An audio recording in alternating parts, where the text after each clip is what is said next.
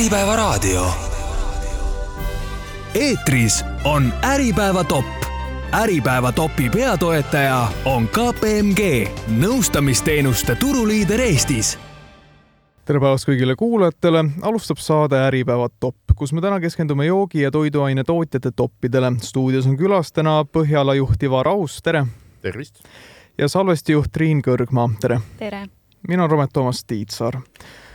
alustame saadet numbritega, nagu tavaliselt tavaks on, et Põhjala Brewing sai Äripäeva joogitootjate topis neljanda koha, eelmine aasta olite seitsmendal kohal. Teie majandusaasta aruandes oli kirjas, et eelmine aasta oli Põhjala senise tegevusajaloo edukaim, konsolideeritud müügitulu suurenes kahe tuhande kahekümne esimese aastaga võrreldes üle neljakümne protsendi, ulatudes ligi kuue koma kuue miljoni euroni. Teie puhaskasum oli ligi kakssada kuuskümmend tuhat, mis näitas ka tugevat tõusu, et mis on selle tõusu taga? No tõusu taga on äh, mitu aspekti, seal on sihipärane tegevus Põhjala brändi arendamisel ühest küljest, aga ka oluline faktor oli,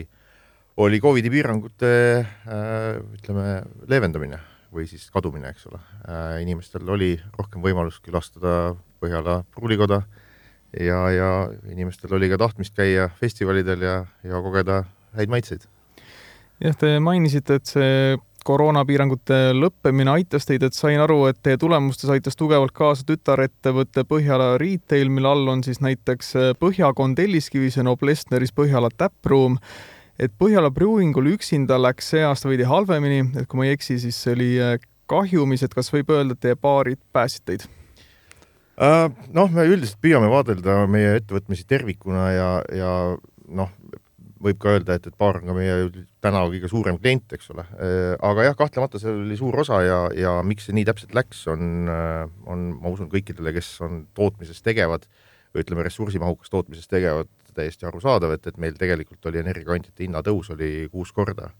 kuuekordne, mis, äh, mis tugevalt mõjutas meie ütleme, kasumi marginaalsust ja ja kahjuks või õnneks ei ole meil võimalik seda kõike ütleme hinnast tarbijale edasi anda. Nii et, et see kahtlemata jah, mõjutas meid. Jaa, äh, Salves sai Äripäeva toiduainetootjate topis kuueteistkümnenda koha, kui te tegite tugeva kasvu, aasta varem olite neljakümne viiendal kohal. Teie müügitulu eelmine aasta oli kakskümmend üks miljonit eurot, see kasvas kaks koma seitse miljonit eelmise aastaga võrreldes, et äh, mis oli selle kasvu taga?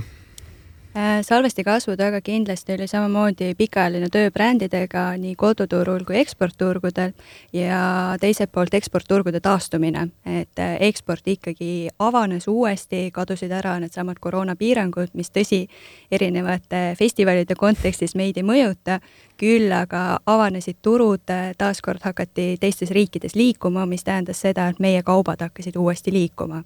lisaks kindlasti Salvesti müügitulemust mõjutas hästi tugevalt äh, kevadi, kevadel alganud sõda ja seda just selles kontekstis, et Eesti inimesed olid väga varmad annetama tooteid, väga varmad äh, saatma lastetoitu äh, nii-öelda sõjapiirkondadesse või ka siinsamas Eestis pagulaskeskustesse. et tegelikult sinna läks ka väga suured mahud ja me ka ise tegelikult äh, erinevaid kanaleid pidi osteti meie tooteid väga-väga palju just esimesel poolaastal.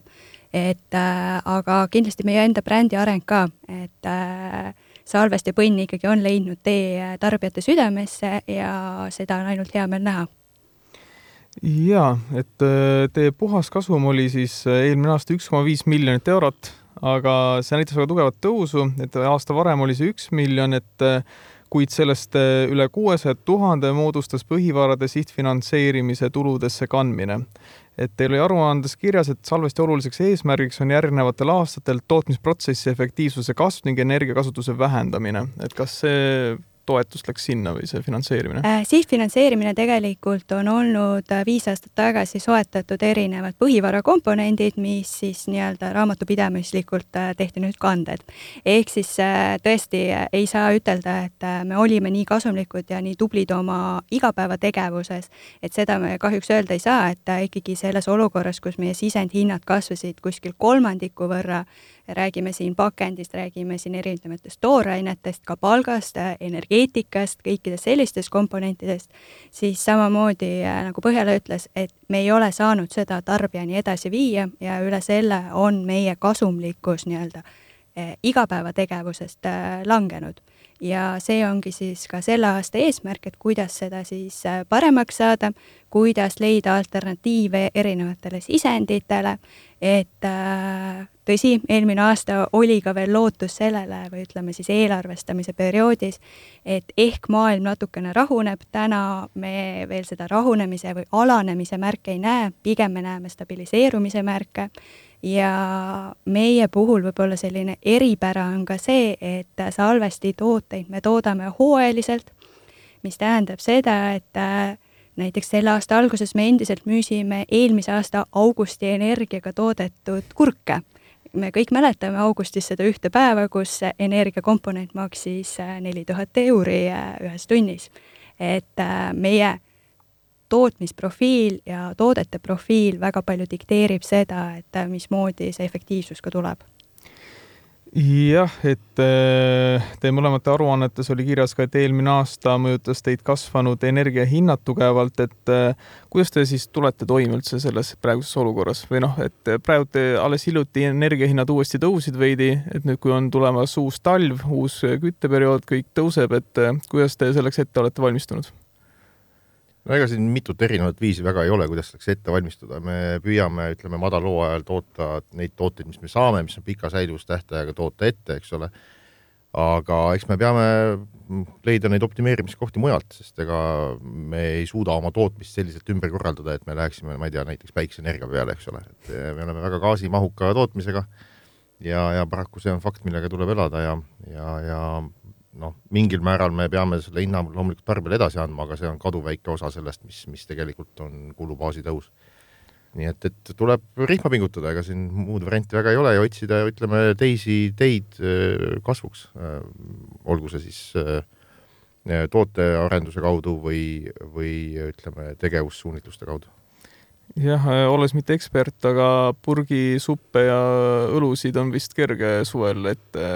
toota. siin peab muidugi noh, arvestama seda, et kõik õlled ei säili pikalt, eks ole, et, et on õlles, mis säilib kuni kaks aastat, aga mõne säilivusaeg on kuus kuud, et, et jah, kui arvestada seda, et kaubandus, kaubandusel on omad reeglid selleks, milliseid tooteid ja mis, mis säilivustähtajaga nad sortimenti võtavad, siis see seab teatud piirangud. aga üldiselt jah, me oleme püüdnud ütleme, toota efektiivsemalt just seda selle võrra, et me võtsime kasutusele näiteks suuremad mahutid et toota meie kõige edukamat äh, toodet, mis on Põhjala laager, mis on nagu tänaseks tõusnud konkurentsitult suurimaks äh, Eesti käsitööõlleks ja, ja noh, püüame selle kaudu optimeerida siis oma, oma tootmist. jah, et võib-olla lisada, et tundub küll, et suppi on ju lihtne teha, aga suppi sa saad teha siis, kui sul on tooraine valmis, mis tähendab seda, et tegelikult ütleme, selline äh, Äh,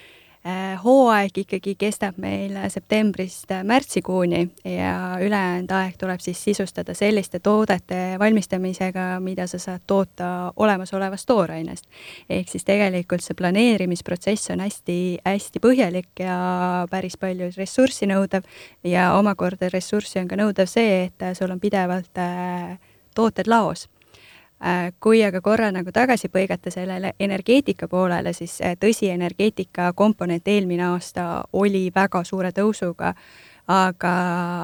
salvesti poole pealt me tegime ka päris palju investeeringuid just selleks, et seda energeetika komponenti äh, allapoole tuua ja luua ka endale alternatiivid. et üks on tõesti see hinnakomponent, aga teine on ka see nii-öelda riskijuhtimise komponent, millest me ei saa ka üle ega ümber. ehk siis, et äh, Salves samuti põhiliselt töötab gaasi peal, täna me oleme loonud endale võimekuse lülituda ümber ka kaugkütteliinidele ja oleme loonud ka võimekuse lülituda vajadusel ümber diiselküttele. ehk siis, et tegelikult on ka ettevõtted teinud väga palju investeeringuid, investeeringuid selleks, et tagada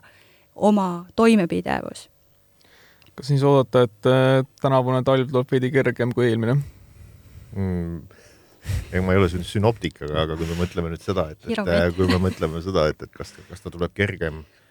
äh, kütuse hindade või ütleme, energiakandjate hindade mõistes, siis selle jaoks jah, lootust on, aga ta ilmselt on teised aspektid, mis jälle teevad selle talve kaunis keeruliseks, mis on nagu tarbija ostukindlus ja ütleme, inimestel kasutada olev vaba raha. see kindlasti seab omad väljakutsed. Et jah, et, et kui me inflatsiooni poole pealt oleme tulnud siia juba ühekohaliste arvude peale nüüd viimastel kuudel, siis see sellegipoolest intressitõusud on olnud ikkagi väga suured nii ettevõtjatele kui ka eratarbijatele. jah, ka palgakasv on olnud nii-öelda eratarbijatel päris korralik, aga see pole endiselt olnud veel suurem, kui on olnud need erinevad tõusud. ja täna kindlasti olukorda ei lihtsusta ka jaekaubanduse konkurents et me ei saa ka sellest üle ega ümber, et meil eelmisel aastal liitus jaekaubandusturule uus tegija, kes on äh, teatud äh, kategooriates äh, väga palju hakanud ka nii-öelda initsieerima hindade muudatusi, mis siis omakorda tähendab seda, et jaekaubanduse selline roll on muutunud, nad on muutunud veelgi nõudlikumaks oma hinnapoliitikate osas ja olukorras, kus tegelikult sisendhinnad ei ole nii kiiresti alla tulnud, et me räägime stabiliseerumisest sellel nii-öelda kõrgemal tasemel, aga mitte veel langusest, on äh, tootjatel selline teatud ootusärevus, et äh, mis hakkab toimuma. Ja kindlasti on ka ootusärevus äh, riigi maksupoliitika osas ja kas on veel mingisuguseid nii-öelda reegleid, seadusi tulemas, mille tulevikumõjudega me peame ka arvestama oma igapäevategevuses. aga kas äh, Lidli tulekuga Eesti turule, et kas seda juba, kas on selle mõju näha juba teie müüginumbrites? kui võtta statistiliselt, siis otseselt meie müüginumbrites mitte, aga kui me võtame nii-öelda jaekaubanduse osakaalusid, siis tegelikult on ju kõik jaekaubandusketid versus eelmine aasta pisut kaotanud. ehk siis äh, ta on võtnud igalt ühelt natukene ja kui ma nüüd ei eksi, siis statistika järgi nad eelmine nädal vist teavitasid, et nende osakaal on nüüd seitse protsenti turust. et seda on ikkagi Eesti suurusel turul juba päris palju ja seda ju ainult väga lühikese ajaga, mis nad on turul olnud aga liikudes korra tagasi sisendhindade juurde, siis Äripäev kirjutas eh, hiljuti, et Euroopat ähvardab suhkrupõud, et Salvesti omanik Veljo Ipits ütles, et eh, ostame kaks korda kallima hinnaga ja midagi teha ei ole. et eh, kust te tulete toime sellises olukorras? see kaks korda kallim hind siis täpsustuseks on kakskümmend üks versus kakskümmend kaks. täna, kui me räägime juba siis kakskümmend kolm, kakskümmend neli hooajalepingust, siis me saame öelda, et me oleme stabiilses olukorras väikeses languses, aga see on tõesti imeväikene. ja ega see tähendabki seda, et me vaatame väga selgelt läbi, millised on need võimalused tootearenduslikult, et kas me saame kuskil seda tooraine kasutust vähendada, kui äh, see ei ole võimalik, näiteks mooside kategoorias, sest mooside kategooria seadusandlus juba käi-, ütleb, et me saame seda toodet moosiks nimetada, kui seal on teatud hulk suhkrut sees et äh, siis äh, tulebki nende kategooriatega tegeleda ja seal siis ka vastavalt äh, sisendhindade muutusele on see väljamüügihinna muutus suurem. jah, meid, mis suhkruhinni otseselt ei mõjuta, eks meil on siin no, umalate ja, ja, ja muud, ütleme, taarehinnad ja muud sellised aspektid loomulikult mõjutavad, võib öelda, et keskmiselt on need hinnad stabiliseerunud, kui võrrelda kahekümne esimese aastaga, siis kuskil seal kahekümne, neljakümne protsendi hinnatõusu vahel äh,, aga paistab, et tulevikku vaadates on, on olukord stabiilsem äh,, mõne koha pealt on mõni hind isegi pisut tagasi tõmmanud, aga noh, jällegi see on üksikud juhtumid äh,. üldjoontes, eks me püüame jah, oma retsepte optimeerida ja, ja meil on ka lepingud on pikaajalised, nii et, et otseselt seda otsest mõju ei ole, et, et tõesti kõige suurem mõju oli ikkagi energiakandjate hindadel meile pikaajaliselt, nii et ütleme, need komponendid mõjutavad, aga nad ei ole nii drastilised, kui oli energiakandjate hind Äripäev kirjutas ka, et alkoholitootjad usuvad, et hiljuti Riigikogus heaks kiidetud alkoholiaktsiisi tõus võib taas ajada eestlased Lätti alkoholi ostma. et äh, kuidas te hoiate inimesed Eestis, et nad ei läheks Lätti? hea toote kvaliteediga ilmselt. aga ei, ma saan aru, te peate silmas seda, et Eesti tooted on Lätis saadaval ja kõik see, mis nagu e-, eelnevalt toimis, siis noh, täna võib öelda seda, et, et äh, me seda väga ette ei näe oma käsitööõledega vähemalt selles kategoorias, sellepärast et see aktsiisi osa, see tõusu osa on seal kaunis väike Äh, pigem ma näen, et, et äh, mida, mis inimesi mõjutab, on käibemaksu kasv ja, ja siis kõik, ütleme, muud kulud, mis kasvavad seoses Euribori tõusudega, ehk siis laen, laenude teenindamise kulud. et see mõjutab meid kindlasti rohkem, nii et ühesõnaga ma seal täna küll mingit muret ette ei näe ja need tõusud ei ole nii drastilised nagu siis, kui see Läti jooks kunagi pihta hakkas aga kas on äh, oodata, et äh, Põhjala peab hindu tõstma? Põhjala kahtlemata peab hinda tõstma, aga Põhjala ilmselt hinda ei tõsta. ma natuke seletan lahti. meie kõik need, kõik, mis me oleme rääkinud siiamaani, kõik see kulude tõus dikteeriks seda, et me tõstaksime hinda, aga me saame aru ka sellest, et, et tarbija ei tule sellega kaasa Äh, hinnatõus tuleb puhtalt, ütleme siis käibemaksu ja aktsiisi ja võib-olla siis jaekaubandusettevõtete hinnastamispoliitika ümbervaatamise tõttu. meie eesmärk on põhitoodetel äh, jätta hinnad samaks, sest me saame aru, et, et me oleme kaunis väikse kategooria esindaja ja meil on äh, väga oluline just nii-öelda recruiting ehk siis tarbijate värbamine enda kategooriasse, et inimesed hakkaksid jooma kvaliteetsemat, võib-olla vähem, aga kvaliteetsemat toodet ja, ja sellega me oleme viimased kaks aastat ka tegelenud, et tõesti saada see, see toode inimesele kätte ja kui see hinna läbi on äh, nii liiga kõrge, siis äh, me oleme sellega arvestanud, et, et me ei saa seda endale lubada.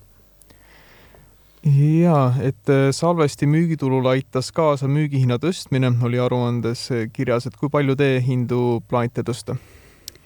Äh, sellel aastal hetkel me uue, uusi hinnatõuse ei planeeri, küll aga teatud jaekettidega on meil äh, mõned vanad hinnaläbirääkimised veel pooleli. et äh, ei ole ilmselt kellelegi tööstustes võõras seesama probleem, et need hinnaläbirääkimised venivad väga pikaks.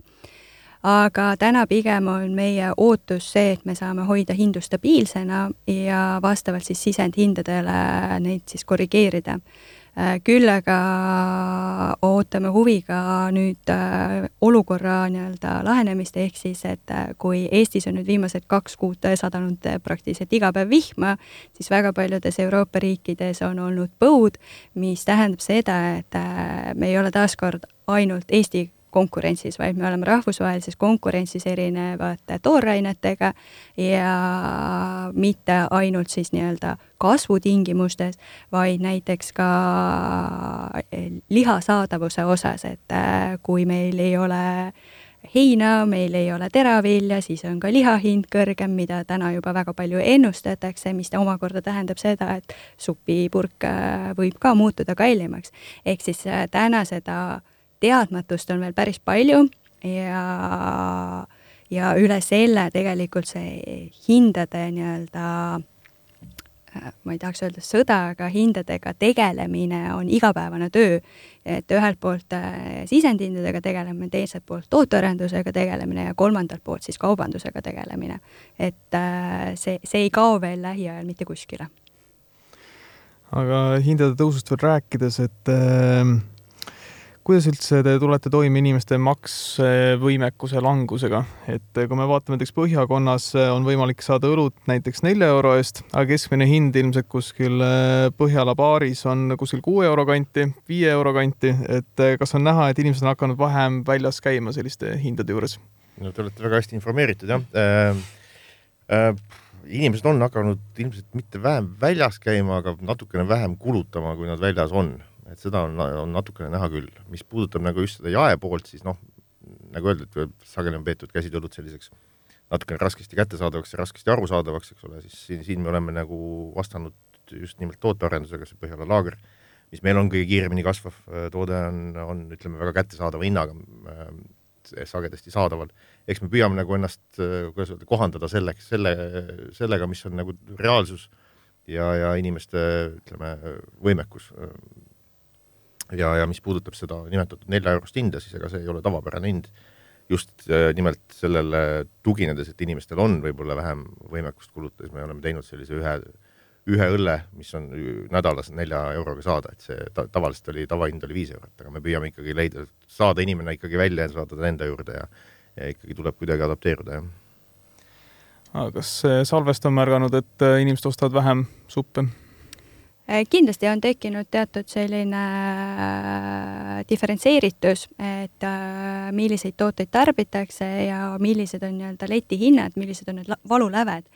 aga huvitav on selle juures see, et äh, tarbija väga tihti ei mõtesta läbi seda, et kui ta ostab selle ühe purgi suppi, et tegelikult tal on neljaliikmelisele perele õhtusöök äh, olemas ja selle leti hind seal siis see kolm viiskümmend või neli eurot, tegelikult võrrelduna sellega, kui ta ostaks need kõik komponendid ise koju, on märgatavalt väiksem. et see on lihtsalt niisugune psühholoogiline barjäär, et teatud äh, nii-öelda numbrimaagia, et kui see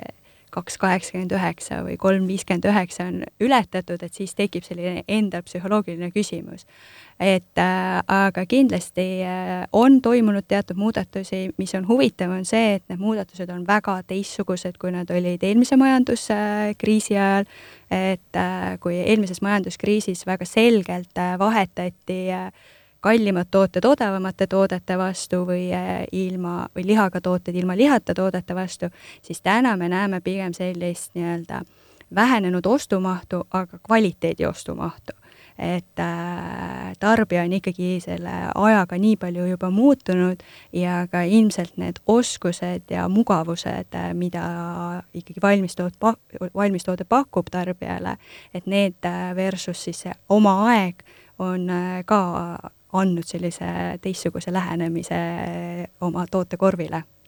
aga teeme siinkohal kiire pausi. tänane Äripäeva topisaade keskendub joogi- ja toiduainete tootjate toppidele. stuudios on külas Põhjala juht Ivar Aus ja Salvesti juht Triin Kõrgmaa. mina olen Romet-Toomas Tiitsaar, oleme hetke pärast tagasi. äripäeva raadio jätkub saade Äripäeva top, kus me seekord keskendume joogi- ja toiduaine tootjate toppidele. stuudios on külas Põhjala juht Ivar Aus ja Salvesti juht Triin Kõrgmaa. mina olen Romet-Toomas Tiitsaar. kuigi me juba esimeses saate pooles veidi puudutasime seda teemat, siis liigume rohkem välismaa suunas jutuga. Põhjala Brewingu eksport langes seitse protsenti eelmine aasta, hulgimüügi käibest viiskümmend kaheksa protsenti moodustas eksport, et mis põhjusel langes? Äh, no on tekkinud mingisugune selline, ütleme mm, ütleme, see käsitööõllede kõrgaeg mõnes mõttes on möödas ja, ja on tekkinud selline mingisugune, ütleme, kohaliku tootja renessanss, kus siis äh, väga palju eelistatakse mm, just kohalikku toodet, sellel on ka teine külg, see teine külg on nimelt see, et, et kohalik toode on kättesaadavam ja soodsam, nii et, et noh, teisest selle medali teine pool on see, et, et meil jõudsid kasvasid Eesti müügid, nii et võib öelda, et, et ka siin on see mõnes mõttes toimunud, eks ole. ma usun, et see on see põhisuund ja loomulikult üks aspekt on ka see, et, et äh, hinnatõusud on ka kindlasti mõjutanud ka seal seda tarbija käitumist ja, ja õlle jõud, kui õlu jõuab, ütleme kuhugi Hiinasse või, või äh, USA-sse, siis ta on hoopis teise hinnaga, mis ta, mis ta tegelikult siin oleks kättesaadav. et see, see, need on need põhilised, ütleme, põhjused, aga ja eksport on meil jätkuvalt siiski oluline ja kaalukas segment ja me jätkame selle suuna arendamist ja salvesti eksport moodustas müügitulust vaid kaheksateist protsenti, kuid see on kasvanud kolm protsenti aasta varasemaga võrreldes, et äh, kuigi eksport on kasvanud, moodustab see siiski suhteliselt väikese protsendi teie müügitulust, et miks, et kas välismaal inimesed Porsche ja praekapsast ei soovi osta? Äh, kindlasti Porsche praekapsas ei ole need ekspordiartiklid, millega me turgudele läheme, et äh, meie leivanumbriks siiani on olnud ikkagi lastetoit ja ökoloogiline lastetoit, mis moodustab selline üheksakümmend protsenti meie ekspordikäibest ja miks see kasv võib-olla on natukene väiksem olnud eelmisel aastal, ongi see, et äh, kui koduturul me nägime väga suurt kasvu just sõjatoetuseks, siis teistel eksportturgudel pigem oli selline teatav äraootav seisukoht, et äh, mis siis kaubandusest saama hakkab. ja samamoodi kindlasti mõjutasid need hinnamuudatused, et äh, Eesti äh, hinnamuudatused, eriti energeetikas, olid kindlasti väga mitmeid palju kordi suuremad, kui olid Kesk-Euroopa riikides. ehk siis meie energeetika hinnatase oligi äärmiselt madal võrreldes siis ülejäänud Euroopaga aga mida me saame ekspordist kindlasti öelda, on see, et äh, sellel aastal oleme ekspordis alustanud täiesti uue suunaga ja selle aasta eksport äh, on äh, märgatavalt suuremas kasvus ja ma usun, et siit see mis see uus suund on? uus suund on hoopistükkis sõjaväetoit ehk siis sõjaväe treeningute varustamine toidupakkidega, et äh, oleme siis seda suunda alustanud äh, sellel aastal siis äh, jaanuarist, et eelmine aasta ettevalmistusprojekt väga pikalt ja me näeme sellel sellist sama suurt kasvupotentsiaali või suuremat isegi kui lastetoitudel. aga mis riigi sõjaväed? Äh, täna on nendeks klientideks olnud äh, tegelikult Eesti, Eestiga me oleme väga pikaajaliselt juba koostööd teinud, äh, nüüd natuke teistsuguses formaadis, aga juurde on tulnud ka siis Rootsi, Rumeenia ja, ja lähiajal siin veel mitmed riigid. okei okay,, aga sõjast rääkides, et peale Venemaa sissetungi Ukraina lõpetas Põhjala ekspordi Venemaale ära, et kui me lähme vestlusega poliitiliseks, siis kuidas teie suhtute Kaja Kallase ja tema abikaasaga seotud Venemaa suunalise äritegevuse skandaali? et kui suur turuosa teil üldse oli Venemaal ning kas te olete ettevõtjana, kes lõpetas selle Venemaa suunalise äri ära ka pettunud peaministris? noh, kui suur turuosa meil oli Venemaal, seda on noh, me oleme Eesti käsitööde tootja, kui meil oleks suur turuosa Venemaal, siis me ilmselt räägiks hoopis teistest numbritest, kui, kui te täna välja tõite ja see turuosa ei olnud suur, äh, pigem oli äh, ütleme, ütleme, meil olid sõprussidemed äh, Peterburi tootjaga, kes, kes oli ka väiketootja ja kes oli selgelt poliitiliselt sellise praegu toimuva olukorra vastu. aga ühemõtteliselt, ühemõtteliselt me lõpetasime selle koostöö. meist saadi ka aru ja, ja, ja nii ta läks. teine aspekt on sellest ka see, et, et Ukrainaga meil ka koostöö mõnes mõttes ikkagi lõppes, sest see turg nagu kadus ära paljuski, eks ole, nüüd ta mingid esimesed taastumismärgid on. kuidas suhted on, kuidas me suhtume peaministri situatsiooni, noh, kõik faktid ei ole teada, eks ole, ma ei tahaks mingit seisukohta selles osas praegu hetkel veel võtta, aga ütleme nii, et optika ei ole kõige parem. no kas te olete, aga kas te olete pettunud? ma mõtlen, kui teie lõpetate ära ekspordi äh,. ma ütlen veel kord, et, et noh, mis see minu pettumine siin väga aitab, eks ole mm, -hmm. kui ma pigem vastaks võib-olla eraisiku seisukohast, siis äh, mitte nüüd Põhjala esindajana, siis äh, jah, ma ütlen, et, et äh, ei paista just kõige parem see asi välja äh,. aga kas see oleks meid pannud käituma kuidagi teistmoodi ettevõttena, kindlasti mitte. kuidas Salvestil on ekspordiga Venemaale, kas on üldse või äh...? Salvesti äh, oma brändi tooteid ei ole eksporditud Venemaale juba siin kahe tuhande kuskil kümnendast aastast et äh, ja Venemaa suunal see äri on olnud ikkagi väga-väga marginaalne. küll aga ütleme sellise sõja kontekstis väga irooniline oli see, et me alustasime, olime alustamas just äh, Ukrainaga ühte väga suurt projekti ja need tooted olid valmis ja kahekümne viiendal veebruaril pidid siis meie majast lahkuma äh, Ukraina suunal ja kui siis kahekümne neljandal algas sõda, siis loomulikult see projekt peatus et äh, täna, tõsi, me näeme ka selliseid kergeid taastumise märke sealt suunalt, aga need on ikkagi veel väikesed äh,. mis on äh, võib-olla positiivne, on see, et näiteks klaastaarat on meil õnnestunud varuda Ukrainast, et natukenegi toetada seda majandussuunda aga kuidas üldse on Eesti toidu- ja joogiainetootjatel konkureerida välisriikidega või naaberriikidega? No võib-olla jällegi, välisturud on väga erinevad, eks ole, et, et kindlasti USA-s või Hiinas on keerulisem kui, kui ütleme, Soomes või, või kuskil Hollandis, et, et äh, äh noh, Eesti tuntus äh, on, äh, on hästi ütleme, kasvanud, aga, aga siiski on ta õlletootjana on ta kõvasti väiksem kui ütleme näiteks Saksamaa või, või Tšehhi tuntus õlletootjana, et me selles suunas, selle suunal oleme kõvasti tööd teinud ja, ja noh, ütleme, õllesõbrad meid tunnevad väga hästi. me oleme, ega, ega me asjata ei ole ka Äh, maailma õlletootjate top sajas olnud viimased neli aastat. nii et, et äh, on üks segment, kes teab meid väga hästi. Ja meie eesmärk ongi nagu ütleme, Põhjala teha selliseks äh, brändiks, kui, kui ütleme, et keegi õllesõpradest ütleb Eesti, eks ole, siis teatakse, oh, ma tean Põhjalat, et noh, see on niisugune kaugeleulatuv vaade, eks ole et jah, meil ei ole konkurentsi vastu midagi, kohati on raske, raske on just sellepärast, et, et äh, oleme võib-olla vähem tuntud, aga samas äh, teisest küljest meie Põhjalana oleme väga hästi tuntud just tumedate õlletootjana, seda just väljaspool Eestit. et, et äh, jah. aga Salvestil näiteks lastetoiduga kindlasti lastetoit on selles suhtes natuke keerulisem, et see on väga palju usaldusäri ja usaldusäri just seetõttu, et äh, lapsele sa tahad ju ikkagi kõige-kõige paremat alati. mis on äh, Salveste eeliseks olnud äh, lastetoiduturul, on äh, see, et me olime Äh, siin regioonis esimene, kes hakkas tootma ökoloogilist lastetoitu, et äh, kui me täna vaatame kas või Eesti turgu, siis ökoloogiline lastetoit on siin juba by default, ehk siis see ongi kategooria nii-öelda nõue et, et üheksakümmend viis protsenti siin müüdavast äh, lastetoidust ongi ökoloogilised